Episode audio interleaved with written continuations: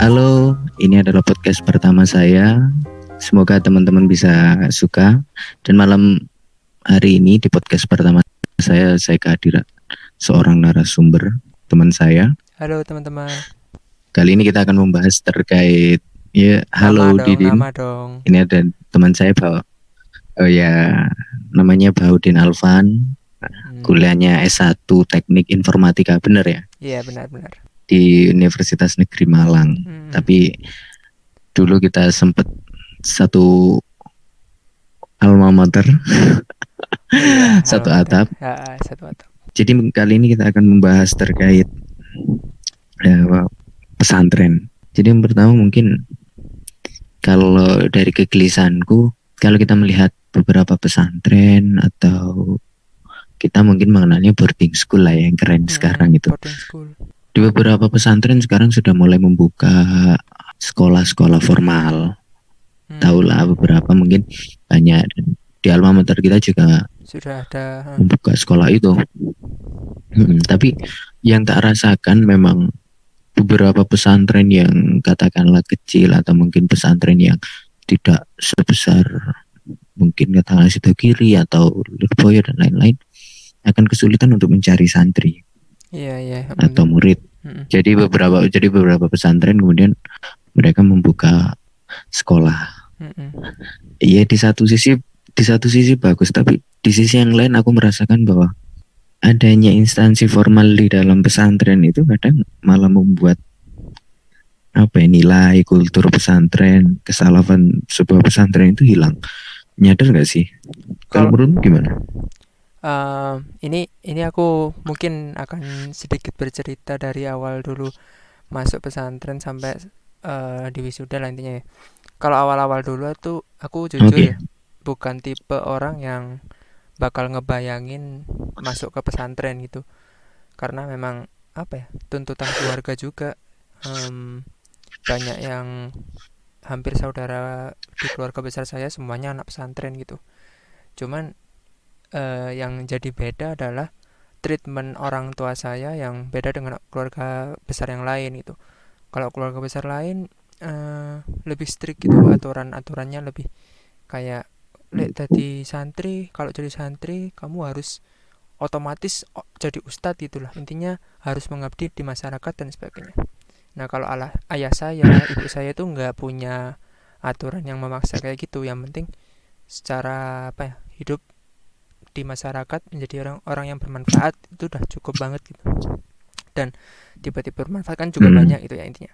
Nah dulu itu aku sempat eh, apa kultur shocknya kultur shock parah sih karena aku dulu SD zaman-zaman SD itu udah dibeliin komputer kan ya. Jadi emang udah maniak gamers dulu itu dari kecil eh, main-main kayak game strategi itu udah udah iya seringnya iya iya. Di pesantren tiba-tiba nggak diperbolehkan gitu. Tapi di sisi lain, ketika aku di MTS, Iya. di MTS itu ada namanya Rintisan Madrasah Bertaraf Internasional. Itu kan MTS sama pesantren jarak sekitar satu kilometer ya, ya terbilang dekat sih. Dan kerjasamanya juga cukup erat itu. Jadi em, waktu itu karena aku angkatan pertama, kurikulum pesantren sama sekolah masih belum sinkron. Jadi Heeh. aku di pesantren itu kan aktif kita kan sekitar jam 5 sore udah aktif ya. Udah ada kegiatan Hmm. musyawarah dan sebagainya sampai malam. Padahal kalau aku kalau karena aku bukan anak reguler ya, ya bukan berarti pinter juga, cuman cara kelas kita memang dibedakan gitu. Jam-jam jadwalnya udah beda. Teman-teman yang lain jam 12 sudah pulang, aku masih harus les tiap hari sampai jam 4 Bayangin jam 4 itu baru selesai pulang s- perjalanan setengah jam langsung mandi nggak ada istirahat sama sekali.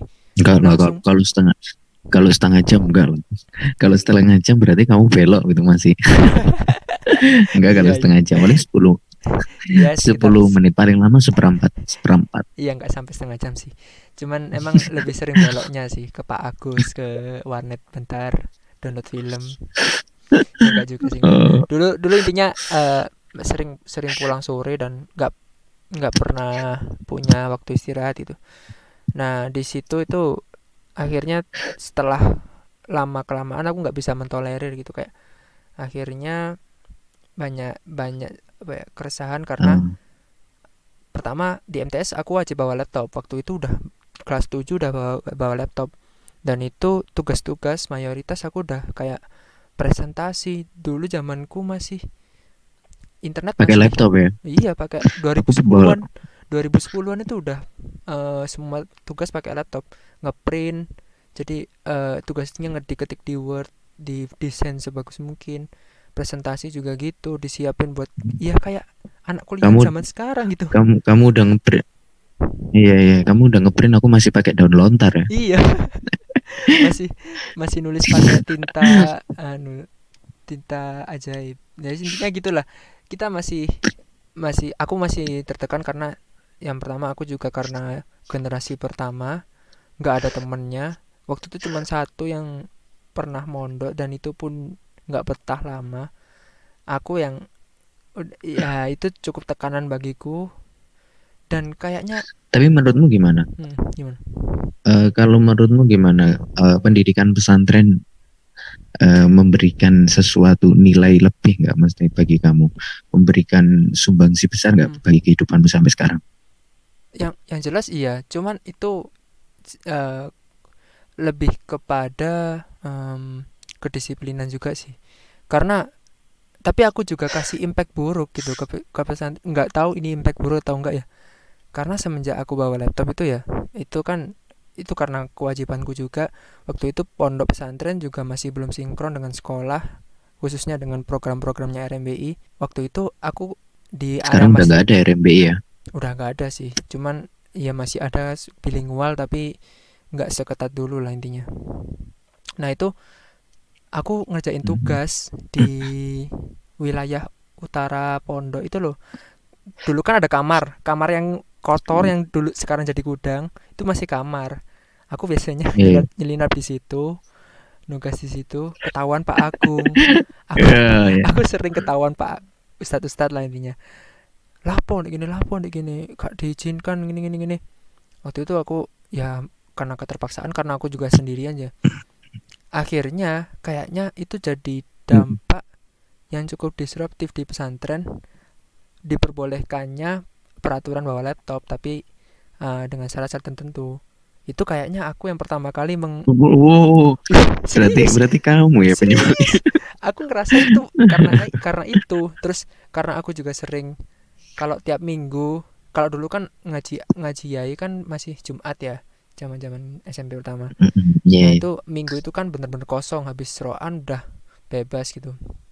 Nah kalau minggu itu aku biasanya em, lari eh bukan lari. Harusnya itu roan tapi aku pagi-pagi ke MTS ke kelas. Padahal waktu itu digembok. Mm-mm. aku naik di jendela ketahuan satpam. Sama satpamnya dilaporin. Anjir. Cuman demi berandal sana juga dan ada wifi-nya itu. soalnya ada wifi-nya. Nah karena aku juga ada kebutuhan internet itu akhirnya kayaknya juga ada inisiatif ada inisiatif dari pesantren untuk bikin warnet dari Gus Uh, itu kayaknya sih Berarti kamu ini ya. Heeh. gara-gara Berarti fakta, sejarah, fakta sejarahnya baru terkuak saya. kayaknya itu dampak buruknya itu tapi kalau Enggak dampak lah. baiknya sel- Tapi- selama ini aku disiplin gitu Tapi memang pesantren sekarang juga mau gimana pun juga di secara nggak langsung dituntut oleh zaman untuk terbuka, lebih inklusif, lebih menerima. Karena di satu sisi aku melihat bahwa pesantren, kurikulum pesantren itu semua orang pasti pasti semua orang siapa sih orang tua yang nggak pingin mondokin anaknya biar anaknya ahli agama biar anaknya. Tapi kan di satu sisi orang tua sekarang itu kan nggak seperti orang tua zaman dulu.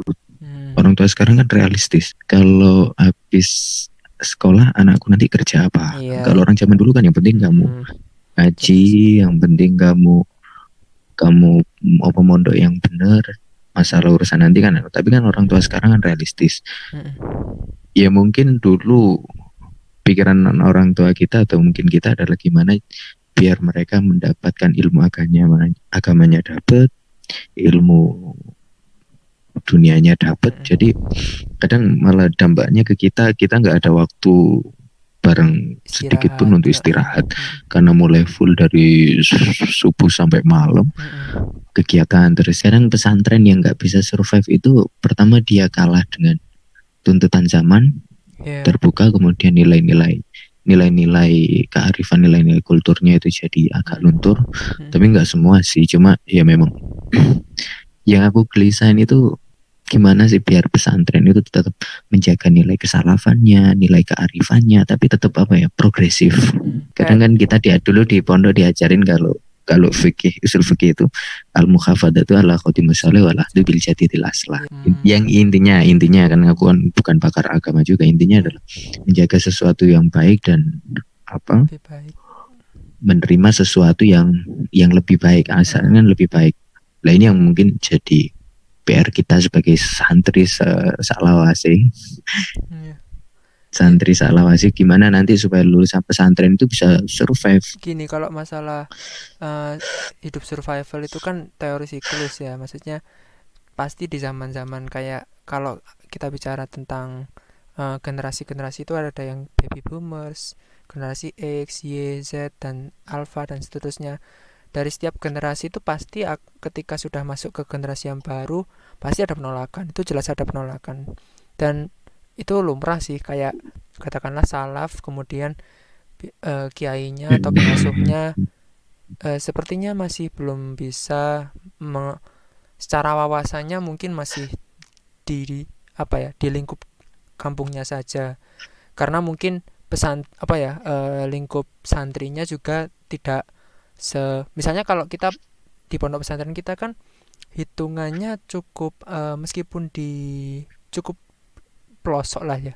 Tapi kan santrinya banyak yang bahkan dari Jawa Tengah bahkan Kalimantan ada yang bahkan di area timur gitu. Artinya ketika mungkin Romo Yai juga bahkan melihat ketika saking banyaknya perbedaan di antara kita kalau tahu ya kalau pas kiriman hari Minggu itu nggak kayaknya jarang yang pakai motor. Eh, eh banyak sih yang pakai motor. Yang parkir mobil itu juga banyak gitu alias yang kaya ada yang miskin yang bukan yang miskin yang ras sejahtera juga banyak. Yeah. lebih, lebih sopan aja biar biar tidak kena copyright. Intinya intinya kan apa ya, kalau dari apa demografi santrinya orang tuanya sudah majemuk seperti itu insya Allah perubahannya akan lebih cepat uh, seperti sekarang juga bangun MTS, bangun madrasah karena ada permintaan. Lagi-lagi juga itu kayak ada teori ekonomi gitu loh kayak ada demand ya supply ada demand gitu. Jadi kalau mau mendirikan yeah, iya, sekolah yeah. juga mungkin yai juga sudah banyak demand dari orang-orang tuanya um, mau anu yai daripada jauh-jauh yes mending yeah. sing area pondok aja yang lebih aman gitu apalagi yang man juga juga masih banyak gitu. Ya lagi-lagi yeah. disruptif di pesantren itu bisa jadi perlu bisa jadi tidak tergantung ya pengasuhnya tergantung kebutuhan pesantren itu sendiri. Kalau misal tapi kan sekarang kayaknya pesantren-pesantren besar tebu ireng atau saya baca dari, tadi di internet juga sudah bahkan ada yang memanfaatkan data. Kayak misal hmm. muktamar kemarin yang uh, mendata peserta ya, apa? ya peserta lah intinya peserta muktamar gitulah intinya. Didata kemudian dikelompokkan secara minatnya atau uh, mungkin uh, pekerjaannya. Kemudian ketika ada event atau ada apa yang di lingkup NU kita bisa menempatkan um, apa ya pemasaran itunya lebih tepat gitu. Iya tapi emang pasti kan ada kalau nggak ada permintaan kan nggak mungkin ada mm -hmm ada jasa atau barang kan. Iya. Tapi yang aku sorotin itu ketika ya ini yang langsung mengerucut ke masalahnya. Ketika ada lembaga formal di dalam pesantren, ya sedikit demi sedikit ini untuk menurut kacamata pribadiku nilai-nilai uh, kultur pesantren itu sedikit demi sedikit terkikis karena bagaimanapun lembaga pendidikan itu kan menuntut untuk berkembang menuntut untuk dinamis terus menerus gitu. Contoh mungkin kalau ada sekolah di dalam pesantren menuntut akreditasi Hmm. uh, adanya ya perbaikan infrastruktur perbaikan budaya akademik siswa sekolah dari pagi sampai sore diforsir di sekolah kemudian di pesantren mereka udah kelelahan Hmm. agak dilematis antara tetap membuat sekolah ini berkembang Hmm. dengan konsekuensi mungkin nilai apa eh, budaya pesantren agak luntur Hmm. atau tetap mempertahankan nilai-nilai pesantren dengan konsekuensi sekolah ya gitu-gitu aja. Kalau gini, untungnya un- kalau aku sendiri ya, sepengalamanku dari sekolah, meskipun beda lembaga, u- eh, sebenarnya ini masalahnya di komunikasi. Yang penting paling penting itu komunikasi. Selama ini kan MTS Negeri Malang 3 dengan pes- pesantren Siltu Fukoha itu kan eh, komunikasinya cukup baik. Artinya ketika kepala sekolah dan pengasuhnya klop ada kebijakan-kebijakan baru atau apa bisa dikomunikasikan, bisa didiskusikan. Jadi kalau udah didiskusikan misalnya mempertimbangkan dua konsekuensi tadi ya insya Allah bisa imbang gitu. Maksudnya katakanlah misal MTS butuh program eh, pondok apa? Pondok kilat itu loh. Pondok kilat itu kan harus ada didikan Iya, iya. dari benar-benar orang pesantren. Ya kerjasama dengan orang pesantren.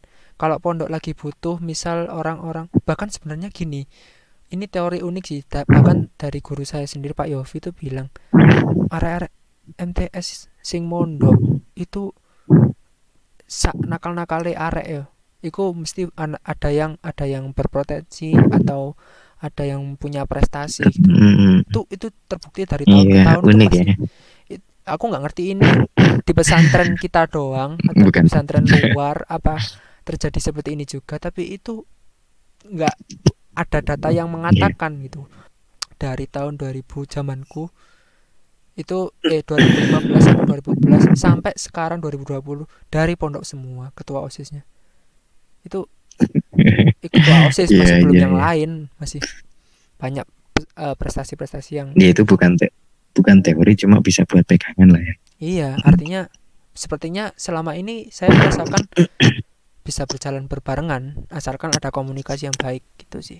Iya sih kalau aku melihat ya teman-teman di pesantren ini sebenarnya punya punya apa ya potensi besar. Mm-mm. Cuma mungkin karena kurangnya komunikasi antara dua lembaga iya iya. saling apa ya ya mungkin ada yang berat di sekolahnya ada yang berat di pesantrennya tapi Iya, kalau yang sama-sama jalan wah itu mungkin ya satu dua tiga mungkin mungkin itu teladan lah Iya iya benar. Emang terbukti sih. Kalau aku ngerasa tapi eh, lagi-lagi itu semua kan dari soft skill ya. Menurutku pesantren itu ngasih dampak di soft skillnya. Aku ngerasa kalau eh, ketika bangun pagi subuh itu itu nggak cuman kalau kita ulik nggak cuman karena kita sholat subuh doang, tapi ketika kita bangun pagi, saya pengalaman ngerjain tugas di pagi setelah subuh itu jauh lebih efisien daripada kita begadang kita begadang terus capek eh, kalau misal ada kuliah ya paginya terus ujung-ujungnya tidur di kelas gitu. Kalau aku ngerasa lebih baik tidur jam 8 Iya, atau iya. jam lebih awal gitu ya. Dulu-dulu sih masih sering kayak gitu ngerjain habis subuh. Itu enak kalau gitu. sekarang? Kalau kalau sekarang? Karena sekarang ada kegiatan sama sekali jadi ya ng- ngapain juga gitu tidur lebih n- awal. Malah aku malam-malam nggak bisa tidur. Nocturnal ya? Nocturnal. Iya. Eh, teman-teman di pesantren secara spiritual question kan oh ya mereka punya apa ya? IQ tinggi lah, IQ tinggi. SQ nya bagus. Eh, eh, S- SQ-nya tinggi. Kalau SQ-nya itu naik otomatis IQ terus EQ inter apa intelligent question ya. Hmm. sama emotional questionnya itu otomatis juga terangkat. Tapi nggak tahu juga sih bener apa enggak. Anyway tapi tapi ya rata-rata anyway tapi teman-temannya. kalau misal walau- bicara keselarasan antar ketiganya IQ IQ SQ kayaknya nggak bisa diselarasin karena dua eh ketiganya itu pendekatannya beda Eh, karena sekarang Hmm. apa kamu bisa jamin orang yang sergap ngaji hafalan dan sebagainya kemudian ketika ada berita hoax masuk di kepalanya apakah dia akan menjamin bisa mengatak apa ya eh, menyeleksi berita yang dia karena sekarang kalau kita bicara banyak-banyakan ketika kita ngelihat uh, media sosial gitu berita-berita hoax berseliweran itu. Yang reaksi paling keras yang manusia-manusia beragama ini gitu kita kita ini gitu aneh. Itu nyata gitu. Ya nggak bisa di generalisir juga. Iya Maksudnya, ini yang, yang peng- pengalamanku di pesantren dulu ya. Hmm. jadi yang paling memberikan apa ya sumbangsi paling besar itu ada satu yang namanya Basu Masail pasti ingat kan? Nah, Basu Masail itu eh, secara nggak langsung forum ini memberikan apa ya semacam kemampuan critical thinking iya benar. secara metodologis. Mm. jadi di Basu Masail itu kan kita dikasih deskripsi masalah. Mm-mm. terus kita disuruh mencari referensinya kemudian kita mengulik dasar-dasarnya. melihat ini hukumnya hu, uh, uh, Hmm. hu- dasarnya terus sampai menjadi ini bisa jadi hukum A, B, C atau D itu kan Hmm. melalui proses critical thinking yang sangat panjang ke bawah ke sekolah entah itu di MTS entah itu di Alia itu ke bawah bahkan ketika di forum-forum kelas seperti ya, diskusi atau atau presentasi aktif untuk Iya, saya di kelas. ngerasain saya Benar. ngerasain di LBM itu lem- lembaga bahasa masail itu eh, kalau di pesantren tuh kayak diremehkan gitu maksudnya kita ngelihat deh dari dua kegiatan festival sama LBM mana yang paling ramai kalau di pesantren kita kan yang paling ramai kan yang festival. Mungkin karena juga ke- kewajiban karena eh, bertepatan dengan malam Jumat. Tapi kenapa justru yang seperti LBM kita itu mm, lebih sering sepinya daripada ramenya? Ya mungkin karena memang aku nggak ngerti apa kemasannya ya yang kurang menarik. Karena bagiku udah cukup bagus gitu kalau bahasa masalah kan kita nggak bisa ngelihat hitam putih. Hukum kan nggak halal haram doang gitu. Maksudnya iya, iya. dari halal saja bisa dibagi ke dua kondisi. Haram saja bisa dibagi kondisi. Terus bisa sub sunnah bisa makruh bisa mubah. Hukumnya itu fleksibel. Jadi kayak Iya. banyak celah untuk kita bisa em, mengkondisikan suatu permasalahan fikih apa muamalah dan sebagainya gitu ketika kita udah membawa itu di Iya sih kalau ranah yang Hmm. lebih lanjut di kehidupan kita oh wis gak gampang kagok lah gak gampang apa gomon lah intinya padahal kalau manfaat yang yang gak kita sadari contoh kalau kita bawa ke permasalahan di era sekarang adanya hoax yang kebiasaan berpikir kritis yang berpikir kebiasaan berpikir metodologis kan otomatis dia akan skeptis dulu atas Mm. informasi yang dia dapatkan iya apa pesan dan pesan dan kesanmu terkait pendidikan pesantren hari ini? Eh intinya kalau orang yang mau mungkin orang tua atau siapa pun yang mau menyantrikan anaknya atau itu pastikan kita itu eh, udah ada komunikasi lah. Intinya eh, ketika kita melaksanakan karena pesan ketika kita memutuskan untuk mondok dan sekolah itu sudah dua kewajiban bisa bertolak belakang bisa juga kalau beruntung seperti saya gitu meskipun kebijakan sekolah dan pondok bisa beda tapi alhamdulillah masih bisa mengimbangi gitu. Kalau yang tidak bisa kan kas kasihan gitu bahkan ada yang berhenti di tengah jalan antara pesantrennya yang dirug eh antara pesantrennya yang di apa dikorbankan atau sekolahnya yang dikorbankan malahan gitu. Sebenarnya kalau melihat apa ya, demandnya orang tua orang tua zaman sekarang banyak kok yang masih ingin menyantrikan anaknya me- memondokkan anaknya itu masih banyak. Karena memang kita menjadi orang pesantren kan lagi naik daun tuh.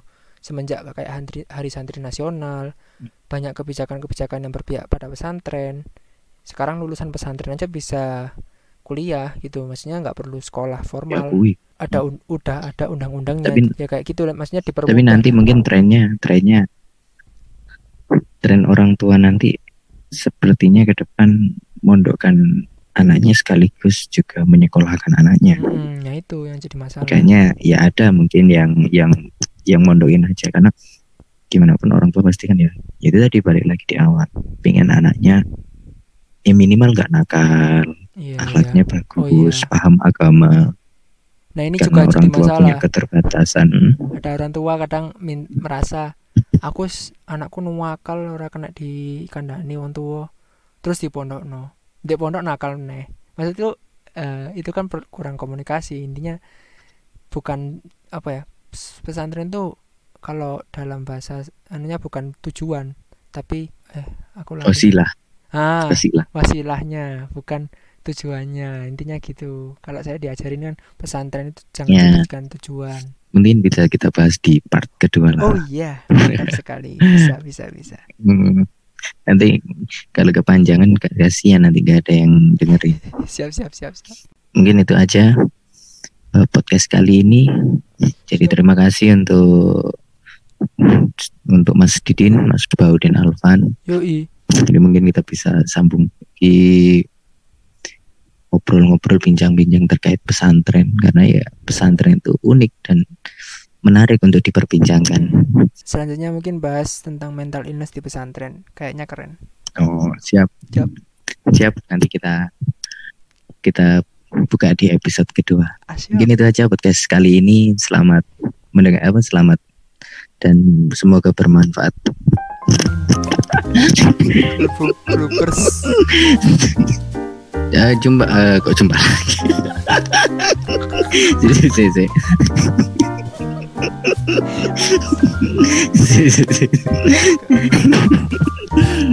Halo, eh, perkenalkan ini adalah podcast pertama saya.